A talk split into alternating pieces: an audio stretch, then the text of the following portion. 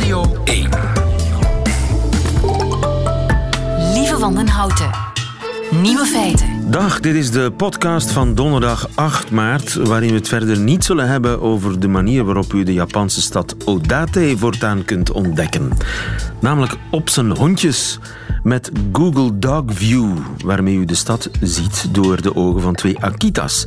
En dat zijn typisch Japanse hondjes. Akko en Asuka heten ze. En het lijkt alsof u op hun rug zit. Ze nemen u mee naar het plaatselijke openluchtvoetbad en het Akita Hondenmuseum. Precies wat u nodig had, toch? Wat zijn dan wel de nieuwe feiten van vandaag? Wel, de voetbalbond die blijft bij Damso. Onschuldige verdachten die hebben zelden een waterdicht alibi. Oudere vaders hebben een grotere kans op zieke kinderen. En kijkers klagen over de mascara van Simonneke in Thuis. Het middagjournaal komt van Eva Mouton. Geniet ervan. Nieuwe feiten. De voetbalbond blijft bij Damso, de Brusselse rapper. Die heeft zijn uh, Rode Duivelslied klaar. Niemand heeft dat nummer al gehoord, maar ongeveer iedereen is er tegen.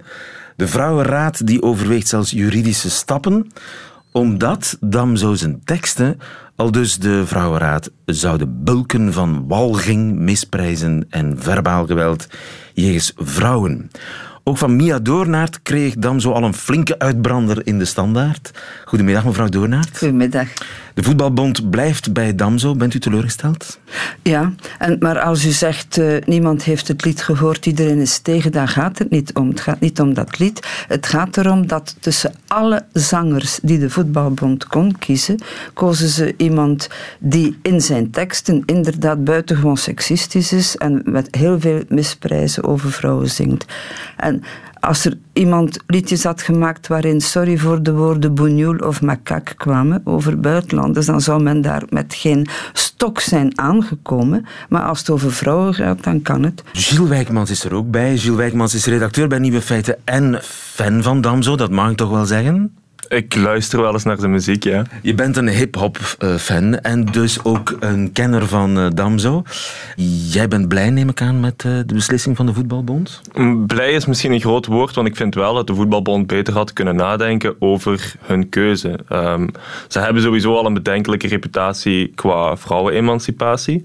En dan vind ik dat ze wel een sterker signaal hadden kunnen kiezen dan het selecteren van Damso. Maar ik snap hun beargumentering wel. Damso is op dit moment de grootste Belgische artiest. We hebben op dit moment de beste Belgische voetbalploeg dat ze die twee dan willen samenvoegen, daar kan ik nog wel in komen. Alleen het signaal wat ze daarmee sturen is inderdaad wel, dat had anders gekund. Ja, het is wel niet de bedoeling dat jullie het met elkaar eens zijn. Hè? Dit is het grote Damso-debat.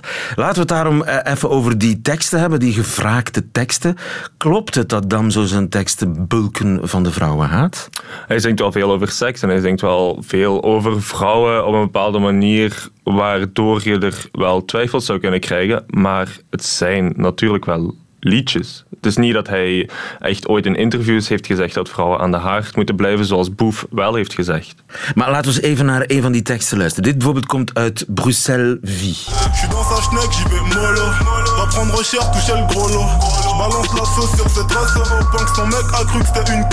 Ja, het is een soort uh, Brussels slang waar ik geen.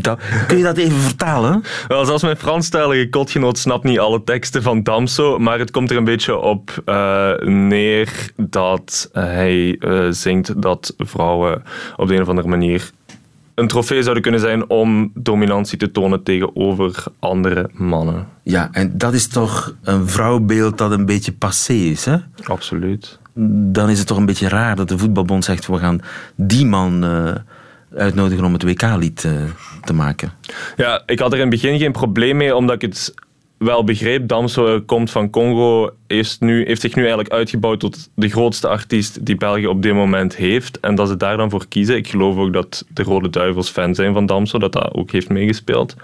Uh, ja, dus dat is misschien passé zo een beeld over vrouwen. Maar langs de andere kant, zoals ik zei, hij heeft het niet in een interview gezegd, heeft het nooit gezegd in, het, in real life, maar gewoon in een liedje. Het is een liedje. En dat is een groot verschil volgens jou?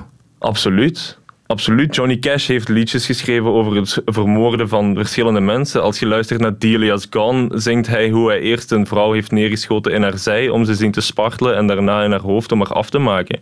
En hij heeft zo verschillende liedjes, maar niemand die dan zegt van ah ja, we moeten Johnny Cash niet meer draaien op de radio. Ja, een schrijver is niet verantwoordelijk voor de uitspraken van zijn romanpersonage. Nee, want anders zou je kunnen zeggen dat Rape Me van Nirvana ook aanzet tot verkrachting.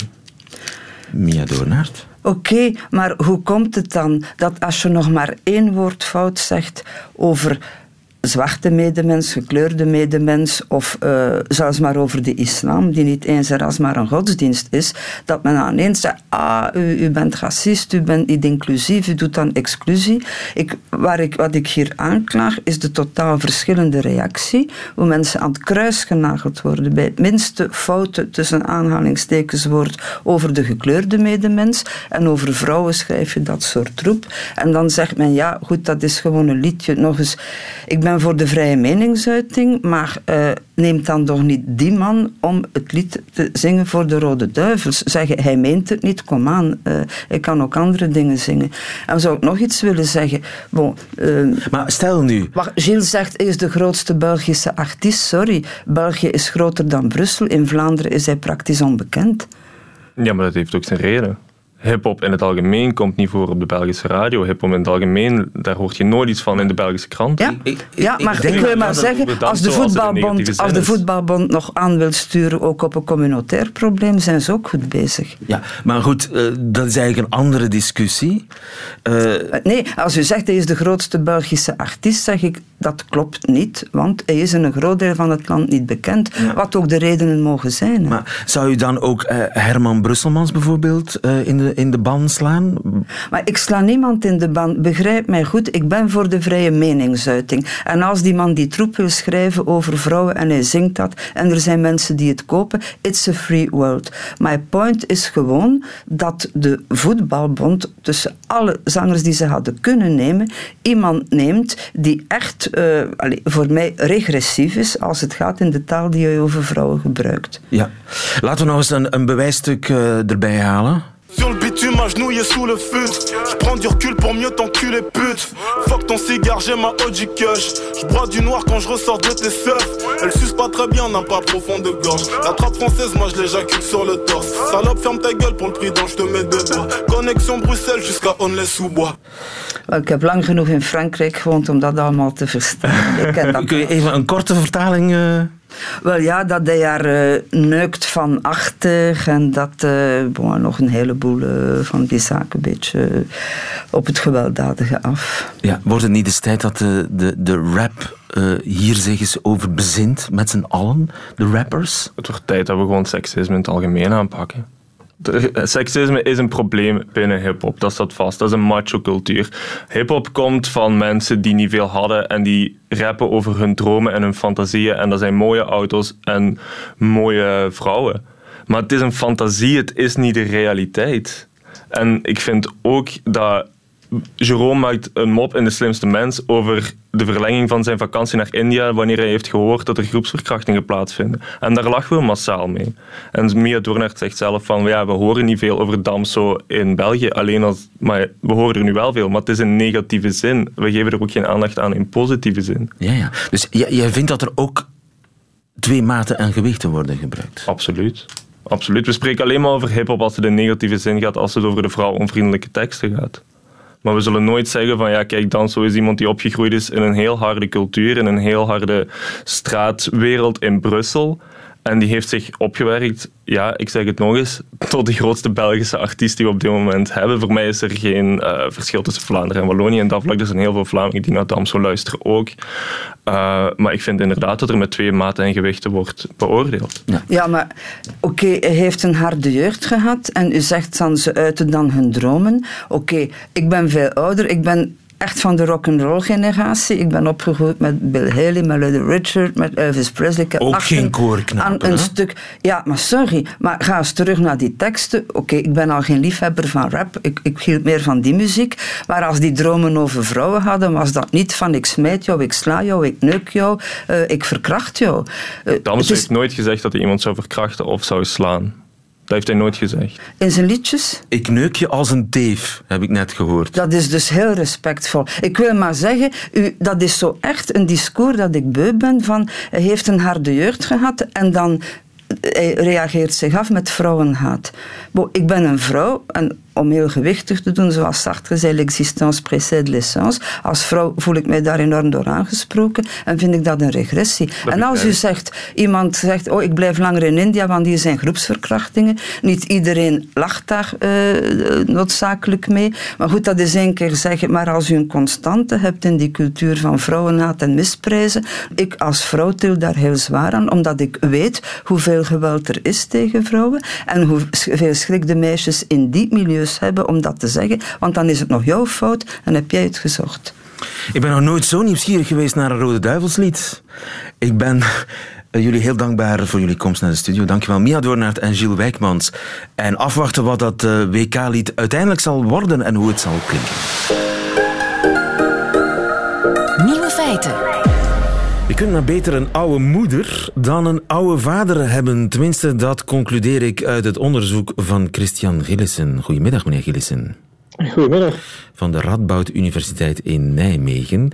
Maar uh, het complete DNA heeft u onderzocht van bijna 1300 Amerikaanse kinderen en hun beide ouders. Uh, het is een van de grootste onderzoeken naar het effect van oudere leeftijd op het DNA uh, van kinderen. Wat blijkt uit dat onderzoek?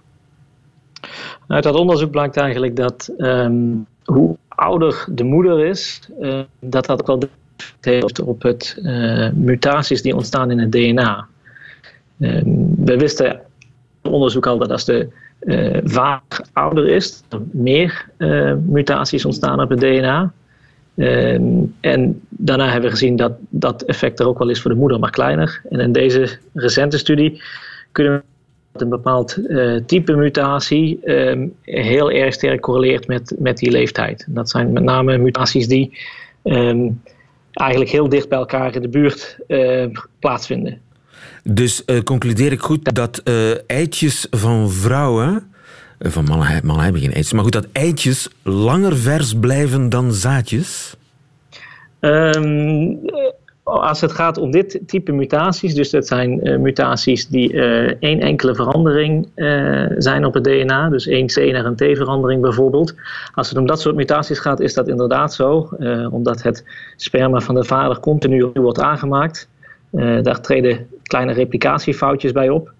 Ehm, en hoe vaker dat moet gebeuren, hoe groter de kans is op fouten. Dus als mannen ouder worden, hebben ze meer van dat soort fouten in hun DNA zitten. En bij vrouwen is dat effect uh, veel minder in aantal. Omdat die eicellen eigenlijk al op een jonge leeftijd er zijn en eh, die, die blijven. Die moeten niet ja, opnieuw precies. gemaakt worden. Terwijl mannen precies. moeten voortdurend nieuwe zaadjes maken. En oudere mannen, ja, die maken daar foutjes in. In dat bijmaken ja. van, van dat zaad. En vanaf welke leeftijd zou er mogelijkerwijs een probleem kunnen zijn? Ja, en wij hebben alleen gekeken naar leeftijden zo uh, vanaf de 20, uh, 25 jaar. Uh, en we zien eigenlijk dat het ehm, een vrij lineair proces is. Eh, dus eigenlijk gewoon met ieder levensjaar wat erbij komt, heb je meer kans op eh, mutaties.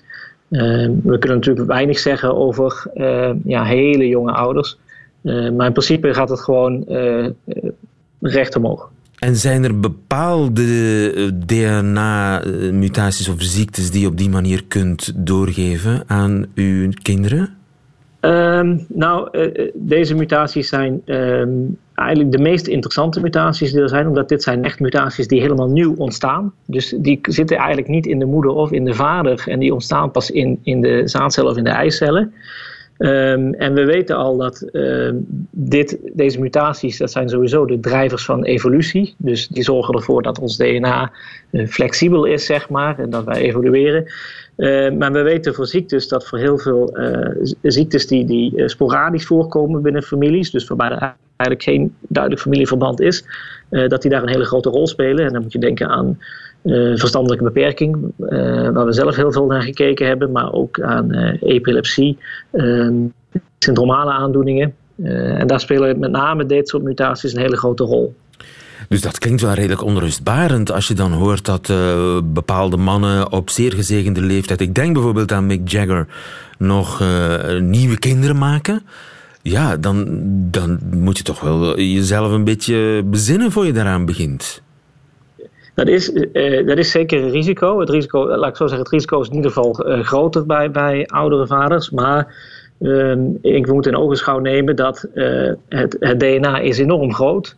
Um, 3 miljard bazen. Um, en uh, daarvan is maar een klein deel uh, waarin een mutatie echt een heel groot effect gaat hebben. Dus dat is ongeveer 2% van het DNA waarin we weten dat een mutatie echt een heel sterk effect heeft. Ja, ja. Dus, dus, het gaat eigenlijk om hele kleine risicostijgingen. Uh, ik zou zeggen, de, de stijging is wel heel groot, maar het risico aan zich blijft nog altijd relatief klein. Maar wat, wat kan, kan u mij dan aanraden? Stel, ik ben uh, eh, 55. Ik ben, nog, ik ben nog geen 55, voor alle duidelijkheid. Maar uh, stel, je, je bent 55 of tussen de 50 en de 60. Je hebt een nieuwe relatie. Jonge vrouw. Je denkt, oh, laten we nog een kindje maken. Moet ik mij geremd voelen? Uh, nou, ik denk dat de, de leeftijd van de moeder blijft toch uh, de belangrijkste factor. Uh, daarvan weten we heel erg dat, dat met name grote DNA-afwijkingen kunnen voorkomen bij verhoogde leeftijd. Maar ik denk wel degelijk dat het ook voor oudere mannen belangrijk is om daar toch wel even over na te denken. Dat het risico toch wel een stukje groter is. Dankjewel, Christian Gillissen in Nijmegen voor ons. Goedemiddag. Graag gedaan. Radio 1. Nieuwe feiten. Waar was u toen uw schoonmoeder werd vermoord? Het lijkt een simpele vraag en toch is er amper 2% kans dat u een geloofwaardig alibi kunt geven. Ricardo Nieuwkamp, goedemiddag. Goedemiddag. Ricardo, eh, jij deed onderzoek naar deze vraag, naar alibis en hun geloofwaardigheid, aan de Universiteit van Maastricht. Hoe ging het ook alweer? Je hebt proefpersonen bij elkaar gebracht? Ja, ik heb een hele grote groep mensen eigenlijk leken. Dus allemaal potentiële onschuldigen, of ja, allemaal potentiële verdachten. Die werden beticht van een, eh, van een fictief misdrijf. Dus iedereen was onschuldig. Ik heb hen dan vervolgens gevraagd waar zij waren en welk bewijs zij daarvoor hadden. En als je dan naar de resultaten kijkt, dan blijkt dat maar 2% van alle onschuldigen een geloofwaardige alibi kan vertellen. Uh, wanneer ze dus om een alibi zouden worden gevraagd door de politie. 2%, dat is bijzonder weinig.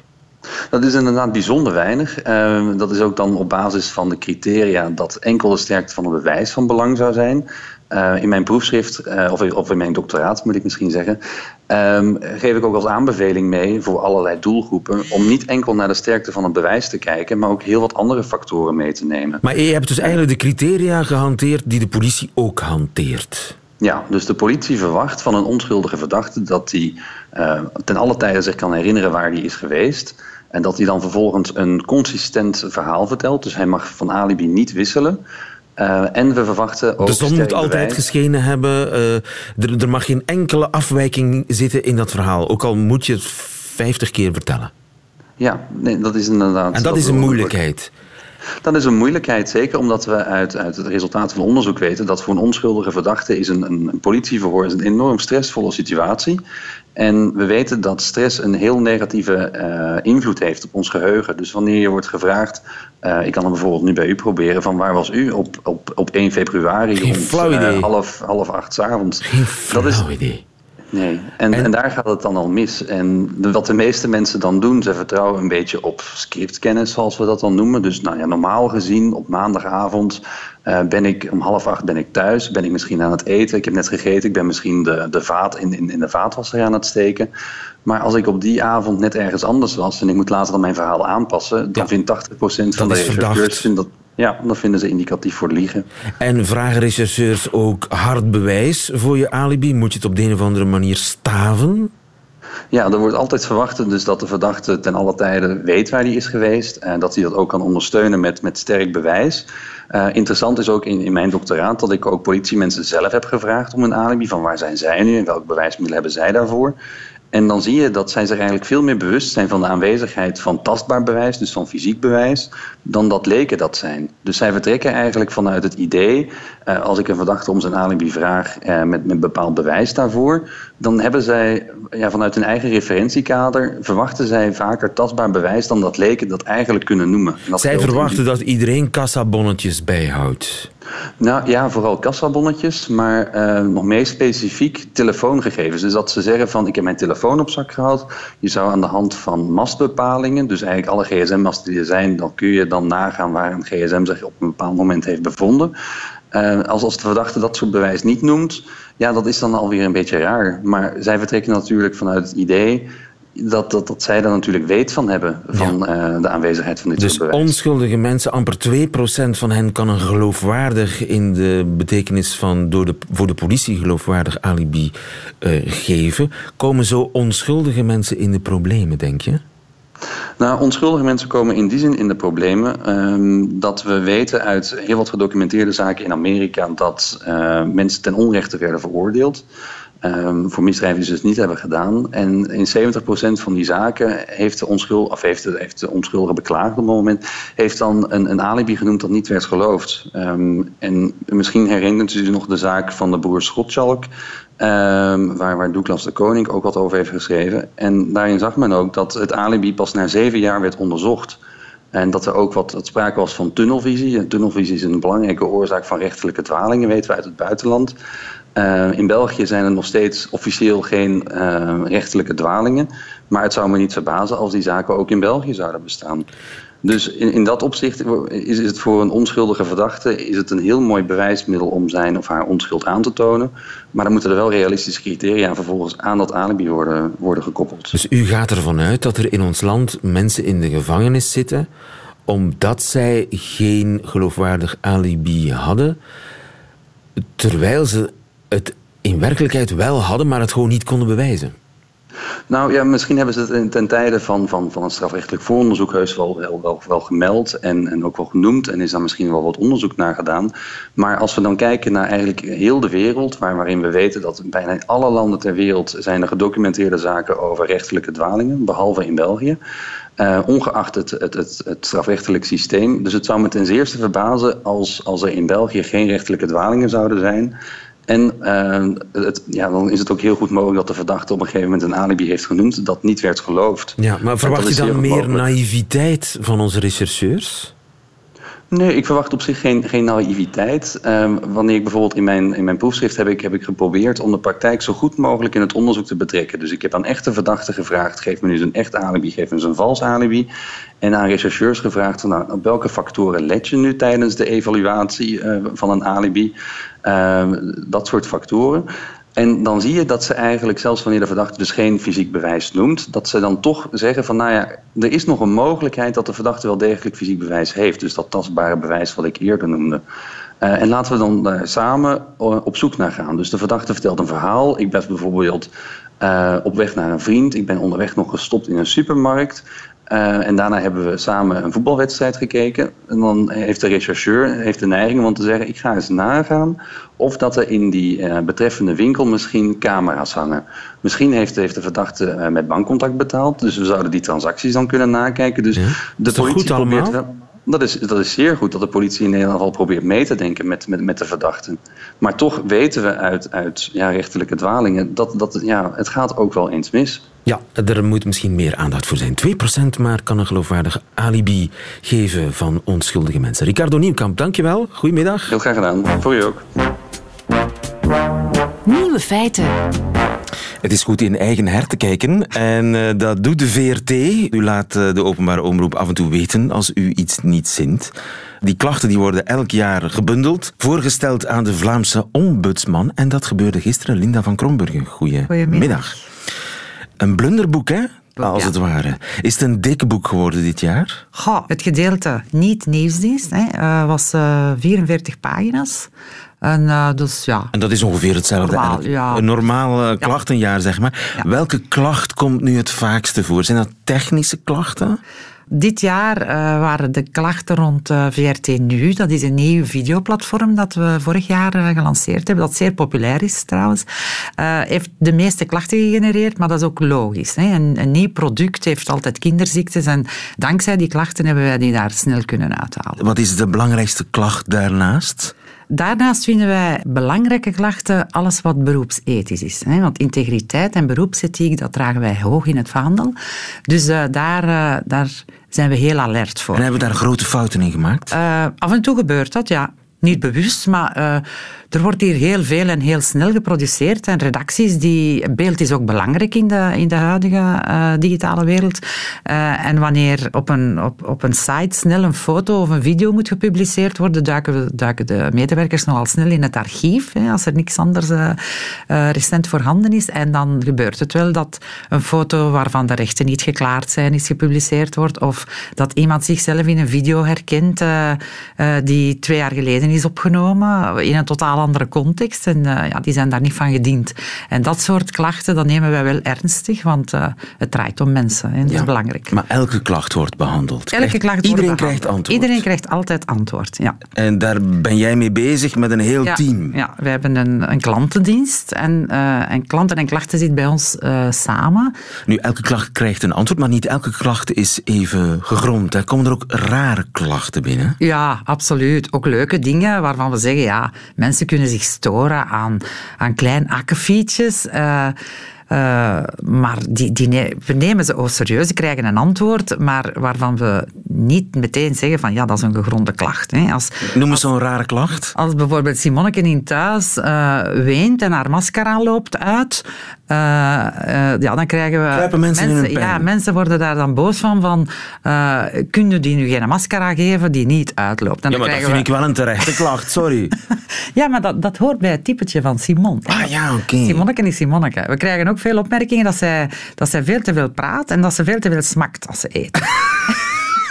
dus dat ze moet zwijgen. Als, ja, als nee, maar dat, dat, vind ik echt... Wat zegt de Vlaamse ombudsman daarvan? Ja, die, die, die beschouwt dat ook niet als terechte klachten, okay. maar hij, vindt het, hij, hij, hij, eert ons wel dat we die dingen uh, ernstig nemen en dat de mensen een antwoord krijgen. Ja, wat leuk. Zijn er zo nog uh, rare klachten? Ja, Ben Krabet die te veel kucht en waarvan ze zeggen, ja, die moeten echt een keelpastilletje geven of eens naar, naar de dokter sturen.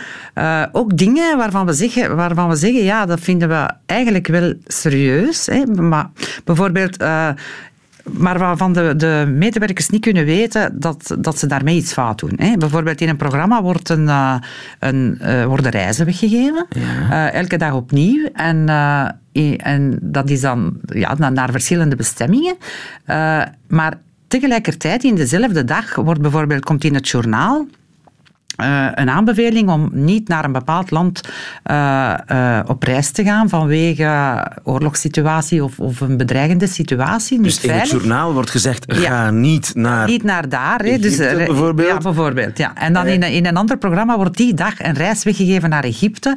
Ja. Die, los van elkaar is er niets, niets, niets dat fout gelopen is. Maar dankzij de klantendienst hebben wij die programmamakers er kunnen op attenderen van, Ja. hou daar een beetje rekening De mee. kijker was in deze alerter dan de Ja, ja, die zegt, ja, het staat niet van een reis weg te geven naar waarvan je in een ander programma gaat eh, adviseren om daar niet naartoe te gaan. Dus het is zeer goed Dat mensen ons wakker houden. Absoluut, absoluut. Eh, Met, klachten naar de mensen, met die klachten de mensen ons echt een spiegel voor. En die, die stellen ons in staat om een, een echte kwaliteitsverbetering door te drijven in huis. En eh, ik moet ook wel zeggen, dat wordt hier heel, echt heel goed opgevolgd allemaal. En goed eh, ernstig genomen, ook door de hiërarchie. Waarvoor dank, Linda van Krombrugge. Goedemiddag. gedaan. Dag. Nieuwe feiten. Opluchting alom, want er zijn geen nieuwe feiten meer. Ze zijn allemaal uitgeklaard, gewikt en gewogen. Behalve natuurlijk die in het leven van Eva Mouton. Nieuwe feiten.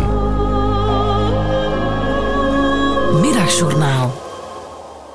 Op Internationale Vrouwendag denk ik terug aan de reis die ik in 2016 maakte. Samen met Plan België, een cameravrouw, een schrijfster en een fotograaf trok ik naar Niger in West-Afrika om er naar de verhalen van jonge meisjes te luisteren. Op de tweede dag van de reis bezoeken we een centrum waar fistels behandeld worden.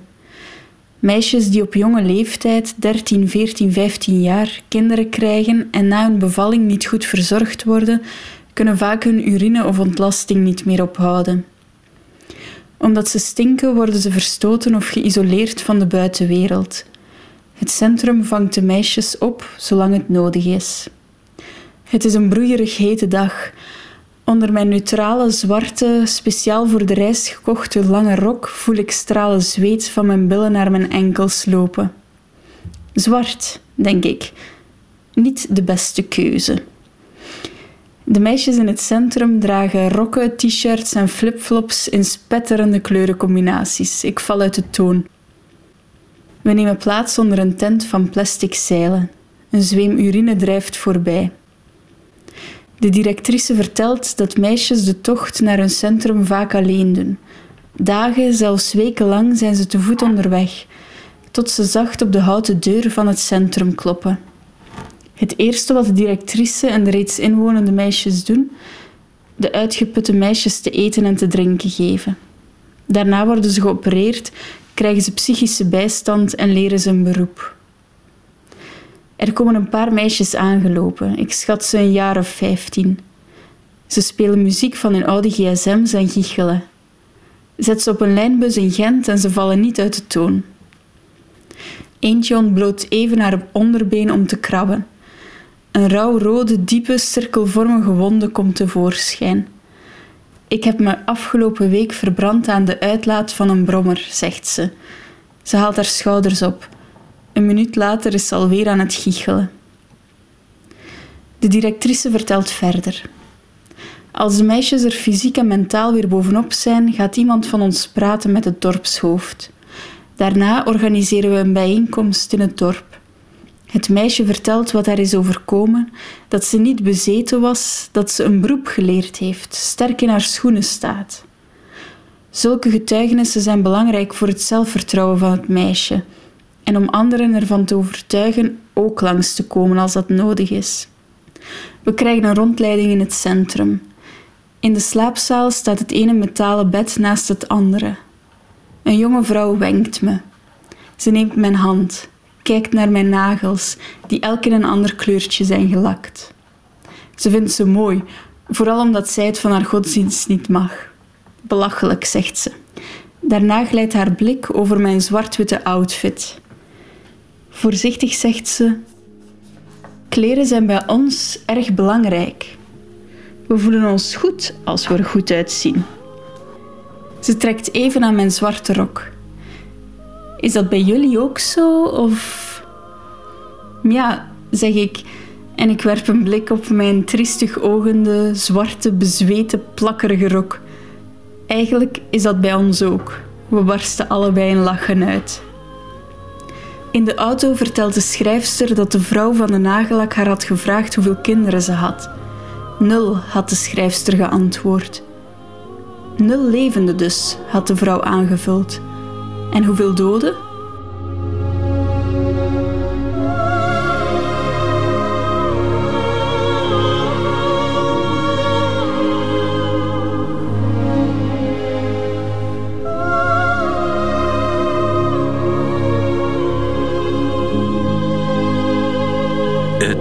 Middagjournaal van Eva Mouton. Meteen het einde van deze podcast. U vindt er nog veel meer op radio1.be en op de gebruikelijke podcastkanalen. Tot nog een keer.